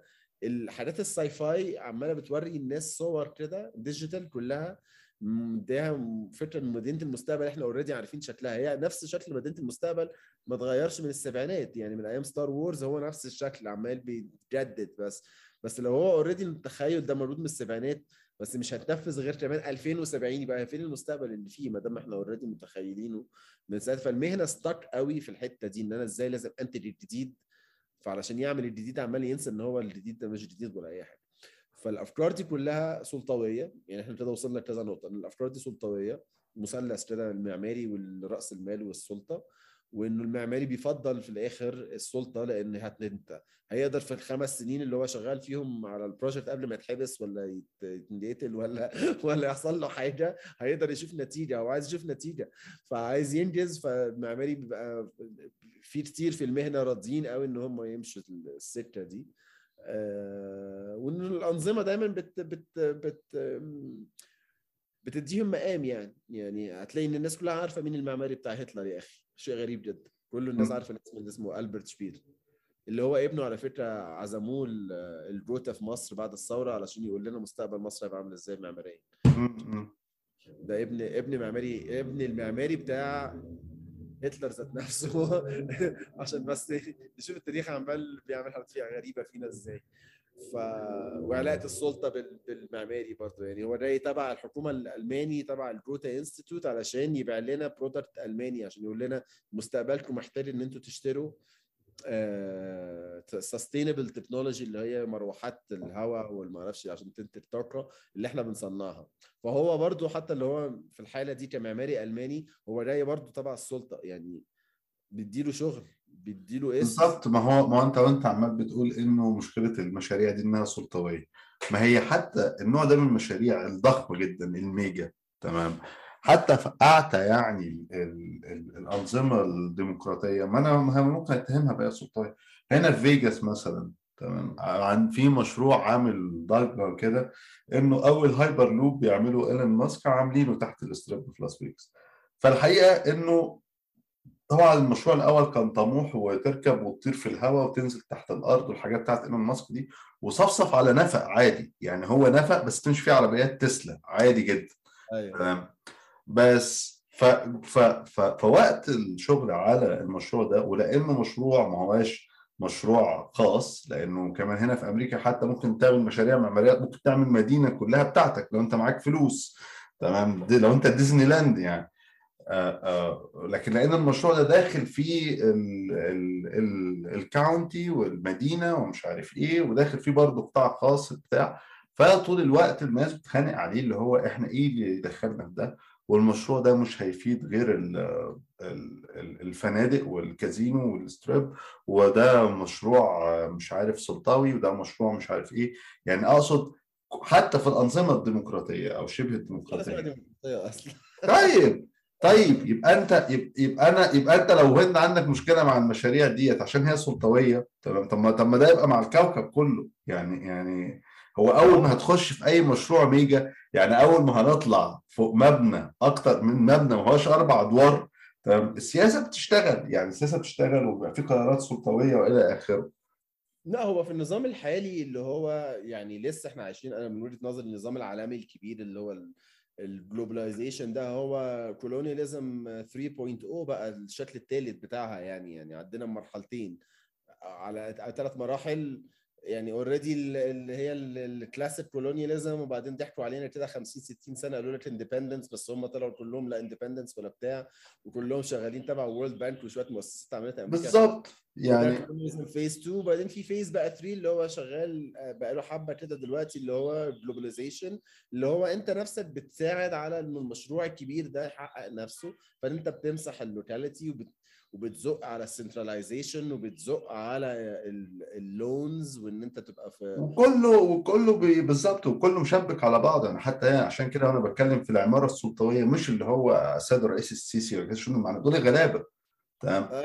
لكن لكن أنت بتبص في النهاية هتبص من فوق تلاقي عادي جدا محمد حديد مع مع معمار المرشدي مع جيرارد كوشنر داخل من الناحية الثانية مع الإماراتيين. تمام. يعني هو تلاقي المنطقة كلها هم خمس ست أسامي مطورين عقاريين واحد من مصر واثنين من أمريكا واحد من إسرائيل واحد من أمريكا واحد من الخليج ومش عارف إيه. وهم دول اللي بيدوروا ليه؟ الجيش نفسه بيتزنق بيقوم رايح لدول. تمام. ف... ف... فما فيش خ... يعني هتخلص من السلطوية ديت إزاي؟ و... أنا عشان أنا بقول إن مشكلة المهنة إن يعني إن المشكلة مشكله ليها علاقة بالمهنة نفسها. يعني هي أمريكا أمريكا كبلد زي ما إحنا قلنا 90% مثلا من ال من ال من أي حاجة مبنية حاجات copy paste و contracts already موجودة ما فيش تصميم ال 10% اللي بيعملوا شوية تصميم دول بيعملوهم فين؟ يا إما private residence بيت خاص لناس عندها بقى يعني ملايين الملايين تمام؟ دي الحتة اللي بتاع يا إما ناطحه سحاب في مدينة من المدن الجديدة اللي هي لسه بيتبني فيها ناطحات سحاب بيزنقوا حتة كده يلاقوا حتة فاضية تلاقي مطلعين بتاع برضو كله private كلها فلوس في الهواء يعني يعني بس دي الحتة اللي المعماريين بيعرفوا يلعبوا فيها جوه أمريكا. غير كده شغلهم كله فين؟ شغلهم كله في الخليج. يعني هو شغال ك... عشان المكتب بتاعه يفضل مفتوح في نيويورك محتاج ياخد projects في في, في الخليج. وال project اللي بياخدها في الخليج دي مش بياخدها عشان هو بيروح يعمل اتصالات. يعني الحكومة بتاعته بتفتح له أبواب عن طريق ال diplomatic channels تفتح بتجيب له مشاريع هنا لأن المشاريع اللي هيصممها مكتب في نيويورك هيبنيها مكتب أمريكاني هيجيب المسلح بتاعها مكتب أمريكاني برضه وبتاع. فأنت بتشغل فهي هتلاقي إنه المهنة حتى في مكان زي أمريكا عمال بيبيع فكره الديمقراطية اللي هو أصلا مش عارف يحققها خالص ولا عمره حققها الكذبه الكبيرة. وعمال هو ذات نفسه آه، بيستغل السلطة الدبلوماسية بتاعته علشان يزق الشركات بتاعته إن هي وده ماشي بقى across the board على resource extraction على فالعمارة حتى في البلد دي ماشية على الطريقة دي. هو محتاج المشاريع اللي بيعمل الخزعبليه اللي ملهاش أي معنى اللي بتتعمل في أماكن غالبا مش ديمقراطية تماما بقى آه، بس عشان في فلوس وبموارد وتقدر تعمل مشروع تلعب بقى أنت كمان فيه كمصمم. وده اللي بيطبع في الكتب وبيتعمل له معارض اليومين دول وخلاص على كده. فانما جوه أمريكا نفسها هو مش عارف يشتغل وجوه أوروبا نفسها هو مش عارف يشتغل. أوروبا معظم مدنها دلوقتي غير مثلا لندن فيها اكسبشن كده عشان يعرفوا يبنوا شوية ابراج إنما هتلاقي كله restoration من بعد الحرب العالمية الثانية ما تبنيش جوه المدينة ما تغيرش شكلها ما أعرفش إيه. فهتلاقي المكاتب دي كلها بتدور على شغل إنها تعمل مشاريع فهتلاقي إنه الخليج ثلاث أرباعه عمارات فاضية أصلا. يعني ثلاث أرباع skyline بتاع أي مدينة من مدن الخليج. جزء كبير يمكن ثلاث أرباع عشان بس الواحد بس يعني ما بقاش بهزر يعني بس هو جزء كبير جدا من المشاريع دي. اللي هو بيسد فجوة مثلا سكنية أو إن هو لا هو ما هو هو ما بيعملش اسكان هو, هو بيعمل خزاين للفلوس. دبلوماسيه برأس مال محلي بيجيب المكتب المعماري بتاعه بتاع نيويورك والتاني بياخد برستيج وده أخد project في الخليج. وده جاب شركة عملت فلوس وبتاع فكل دول مبسوطين. إحنا بقى كمجتمع بنتفرج على الحاجات دي من بره. والعميل بيشتري عشان بيخزن فلوس زي ما في مصر. يعني هو ال... أنت بتقول هي شقق فاضية. آه مش مهم إنها الحاجات دي مش معمولة عشان تتسكن أصلا. هي معمولة عشان أخزن الفلوس فيها أخزن الصرف. هو اللي أنا عايز أقوله ان المشكلة ليها علاقه بالمهنة ذات نفسها. يعني المهنة ذات نفسها محتاجة يعني معاييرها تتقلب تماما يا إما تتمسح أصلا من وش الكون لأن المعماريين أثبتوا إن هم جزء من المشكلة أكتر من هم جزء من الحل. فأغلب الحال أنا بتكلم على المعماري اللي هو طالع من ال official line اللي هو أنت بتخش خمس سنين بتعمل كذا بتاخد شهادات بعدين عشان نعرف إن أنت تقدر تبني فعلا وبعدين بنزقك بقى تشتغل فترات طويلة جدا في اليوم على قبض قليل عشان تفضل تحت إيدينا. عشان فاهم فأنت بتضطر تعمل أي حاجة السلطة عايزاها عشان أنت عايز تعيش وتشتغل وتجيب عربية وما أعرفش إيه وتروح دبي فهي تركيبة في المهنة نفسها محتاجة تتهز. أنا مش مؤمن بالمهنة ذات نفسها. أنا شايف إن المهنة بتاعت العمارة ذات نفسها فيها مشكلة. كيف يتعامل المعماري الشاب مع الإحباط؟ نعم كيف يتعامل المعماري مع الإحباط والاكتئاب؟ يعني بص أعتقد إنه مكان زي مصر يعني أحسن بكتير إن أنت تكتشف الصورة السوداوية دي عن المهنة وأنت في مكان زي مصر عنا وأنت في نيويورك يعني لو نيويورك واكتشفت ده وعرفت إن أنت مش هتعرف تتعامل مع النظام هتبقى في الشارع تاني يوم يعني هتعيش إزاي؟ في مصر بشوف إن الناس بتخلق بقى اللي بيروح يشتغل مصور في مش بيشتغل أو بيملى وقته على الأقل. ما أعرفش الناس بتعيش إزاي بصراحة لأنه في الآخر مش أكل عيش هيجي من من المهنة unless إن أنت شغال مع developer من اللي بيعملوا المشاريع دي اللي هم مش كتير في الآخر. آه يعني أنا بتكلم على غير السكة دي. بيخش بقى في حاجات إن هو بينزل يسترشي الشوارع ويوثق ويصور ويكتب حواديت ويعمل حاجة ثانية وبتاع. بس كلها حاجات يعني أنا حاسس إن أنا أقدر أفهم الشخصية دي لأن أنا الشخصية دي برضه. بحب الشيء ده قوي. بس يعني بس عارف إنه المهنة في ال track بتاعها بتودي فين ومش عاجباني السكه دي فمش هقدر أبقى جزء منها. طب هنا نقطة مهمة وهي آخر سؤال هفتحه معاك في وهو الأرشيف. يعني أنت واحد برضو شغلك في Cairobserver والمشاهدات استمر معاك حتى الآن. يعني خلصت الدكتوراه والماجستير وسبت العمارة ورحت المكسيك. آآ آآ بس لسه شغوف بإنك بتدور على مجلات قديمة وصور قديمة وبت post طرق التفاصيل في ال font وفي التصميم وإلى آخره. و... و... وفي نمو يعني يعني أنا حاسس ان بقى في نمو كده لتدوير الأرشيف. طبعا كل حد مختلف يعني في حد اللي بيحط الصور عشان يلم لايكات وخلاص. وفي حد بحس إن أنت بتدور على حاجات معينة بت post حاجات معينة في description وفي وجهة نظر بتستخدم الارشيف ده في وجهة نظر.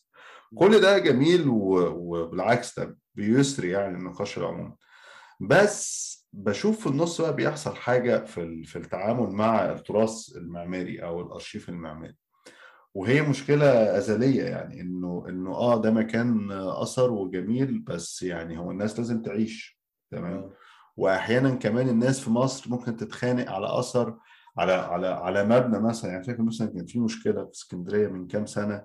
كان في مكان زمان قديم قوي اسمه النادي اليوناني. تمام؟ يعني في كذا نادي يوناني. بس كان في واحد منهم قديم قوي وبعدين كان هيهدوا المبنى ومش عارف إيه وحاجات شبه كذا والمبنى يعني بقى يعني هو قديم بس ما هوش قديم 100 سنة. تمام؟ أيوه. وما هوش حتى طراز معماري بس هو له مكان له له شحنة وجدانية يعني عند عند بعض الناس. فبيبتدي الكلام إنه لأ إحنا لازم نحفظ المبنى ده زي ما هو لازم نحفظ التراث ده زي ما هو.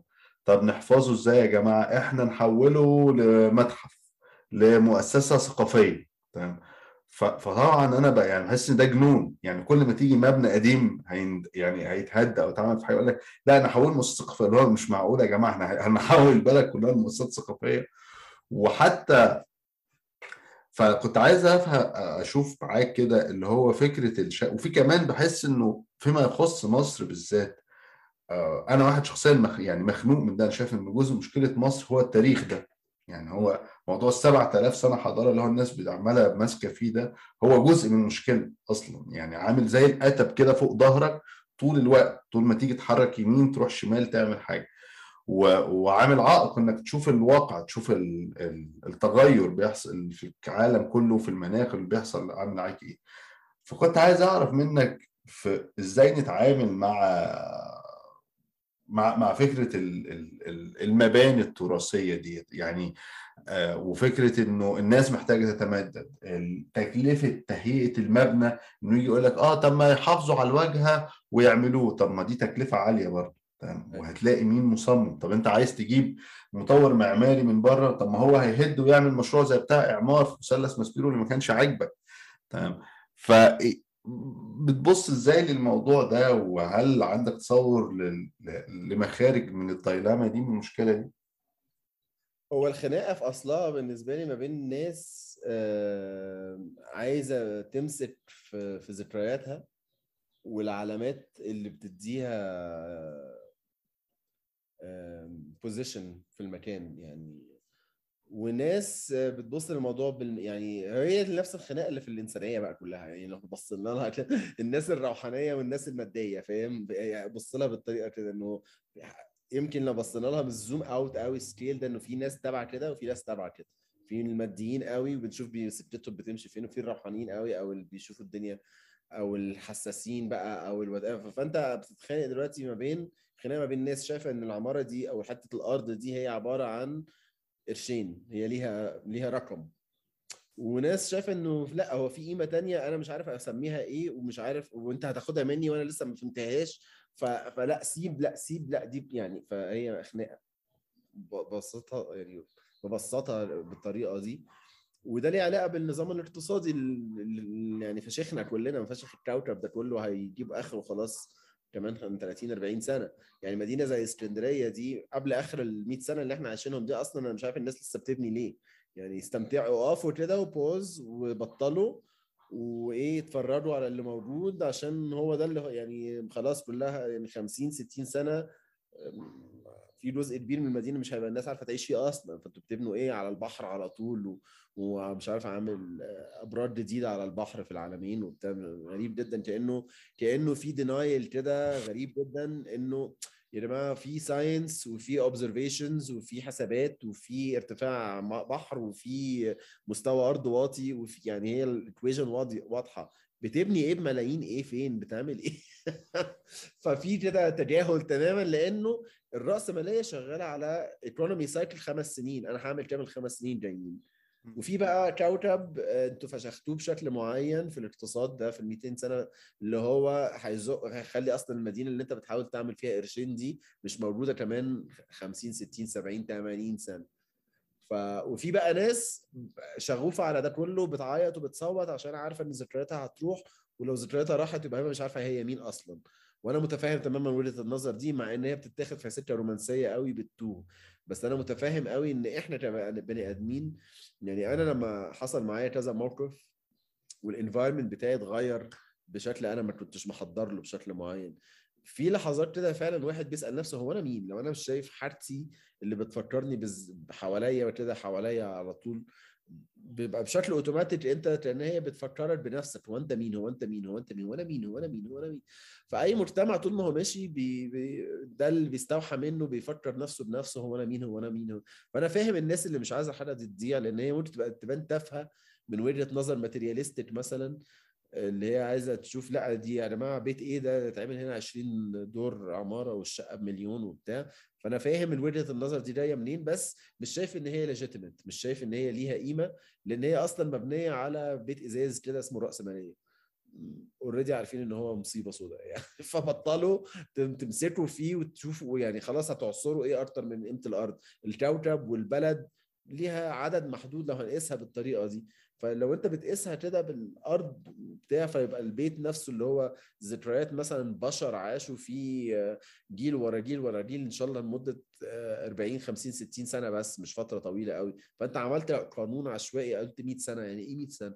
مين اللي قرر إنه مش 99 سنة؟ أو ليه مش 101 أو ليه مش 150 أو ليه مش 7000 يعني أنا مش عارف إشمعنى 100 يعني مين؟ هو رقم ظريف فيه صفرين كده فالناس حبته بس هو ملوش أي معنى خالص. وبيبني بقى عليه واقع كامل. ما هو تخيل انت الواقع اللي بيتخلق لما انت بتعمل حاجة intervention ملهاش أي حاجة حقيقية زي الرأسمالية ك concept إن إحنا بنتعامل بيه بالفلوس بالماديات بتاعتنا أو القوانين اللي بتتعمل في الورق كده. فأنت بتطبق واقع حقيقي فعلا على فكرة مش حقيقية خالص. يعني إيه فكرة 100 سنة اللي أنت كتبتها على ورق دي دلوقتي كلنا لازم نسمع كلام وبتترجم بقى بأشكال مختلفة. بتترجم إنه اللي عنده بيت قديم خايف إنه يبقى عنده 100 سنة عشان بقى دلوقتي في حاجة عشوائية على ورق اسمها 100 سنة. فهو خايف إن هو يبقى بيته يعدي 100 سنة عشان عارف مش هيعرف ياخد حقه القيمة المادية بتاع فهو اللي هده. فأنت بتخلق الواقع بالأفكار اللي هي عدمية ووهمية تماما. يعني اللي هي بنسميها قانون أو نظام اقتصادي.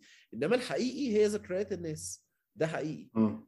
إنه في حد عاش أول بوسة كانت في في السلم ده ولا أول ولا أبوه كان بيحب يجي النادي ده ويشرب فيه مثلا كل يوم خميس مع أصحابه فبحب أعدي من عشان بفتكر.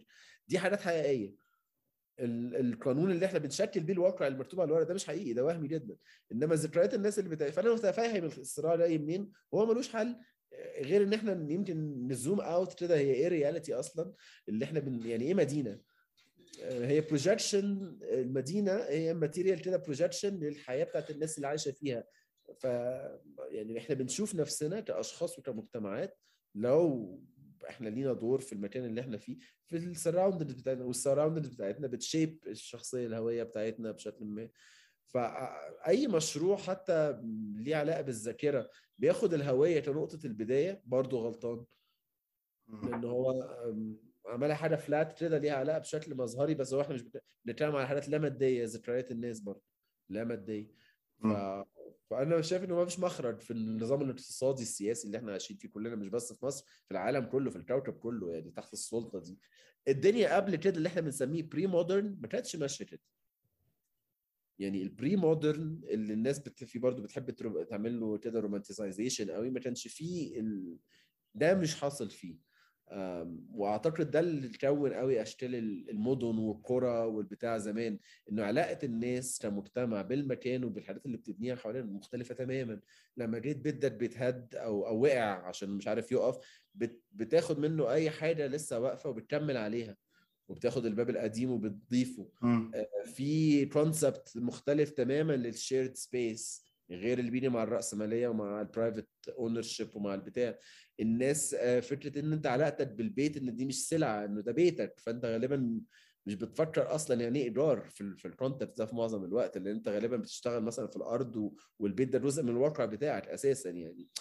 كل ده بيتشقلب فبالتالي بي... فالناس بتستغرب يقول لك القرى كلها باظت. طب ما أكيد هتبوظ لأن النظام الاقتصادي قبل اللي هو جزء منه بقى الحاجات اللي ليها علاقة بالزراعة نفسها أصلا هتتغير فأكيد الفيليج مش هيفضل متفروزن بنفس الشكل القديم غير لو عملت عليه زي ما بقى إيه آه موسوليني كان بيعمل في إيطاليا كده من فوق أنا بحب القرية الإيطالية يبقى شكلها كده فهتفضل كده ويروح عامل آه حاجة رومانسية كده يطور فيها أو يريستور فيها قرى أو مدن إيطالية عشان تبقى بالشكل الرومانسي بتاعه على فكرة. ده دخلنا في سكة غلط برضه. Anyway يعني مش بحس إن أنا حليت لك الموضوع لأن أنا ما أعتقدش إن هو ليه حل. أنا نفسي يعني دي الأفكار اللي, اللي أنا شايفها بالطريقة دي. إن إحنا محتاجين ن zoom out دي ونبص لها كده على إن هي فعلا construct إحنا خلقنا الحاجات دي. كمجتمعات بقى كأفراد. فنبص لها من بعيد كده شوية ونشوف هو طيب عشان نصلح ده لازم نشوف إحنا عملنا إيه أصلا وإزاي. آه، من وجهة النظر اللي ديستنس شوية دي.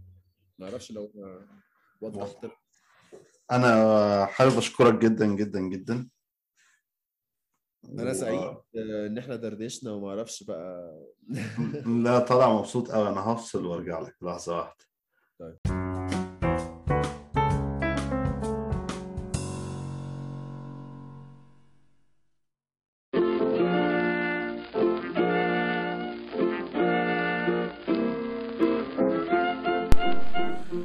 قبل ما أقفل كمان عايز كالعادة كالمعتاد آه، أشكر كل الداعمين على باترون. أنت كمان لو عجبك المحتوى اللي بتسمعه آه، تقدر من خلال اشتراك شهري بسيط آه، تنضم للداعمين على باترون. على باترون في الحلقات الجديدة بتنزل قبل ما تنزل على بقية المنصات. وفي شوية فيتشر وبونبوني وحلويات كده برضو مخصوص هناك. وكمان إنه من خلال الدعم والحب اللي بيجي ده يعني الواحد بيتشجع إنه يقدر يكمل ويستمر ويلعب ويتغير ويتطور وإلى آخره والى آخره والى آخره. آه، بشكل خاص عايز أشكر الدا- الداعمين والمشتركين في البودكاست على Anchor و Patreon. كالعادة أولا وأخيرا ميري فؤاد بين كروبر بالتونسي آم، آه، عنكبوت آم، آه، فاطمة أمير آه، علي أحمد وزادنا بقينا في أربعة مجهولين. دول مؤخرا. شكرا تاني وحلقة جديدة من بودكاست عشوائي. بالمناسبة إذا حد مش ملاحظ إحنا في الموسم الخامس. لا يا رب آه، في الموسم الرابع. هتقولوا لي إيه الموسم الرابع ده؟ أنا هبقى أشرح لكم تاني موضوع تاني موضوع المواسم ده. يلا. أتمنى الموسم ده يعجبكم الحلقتين اللي فاتوا والحلقات القادمة. تاترا ترا!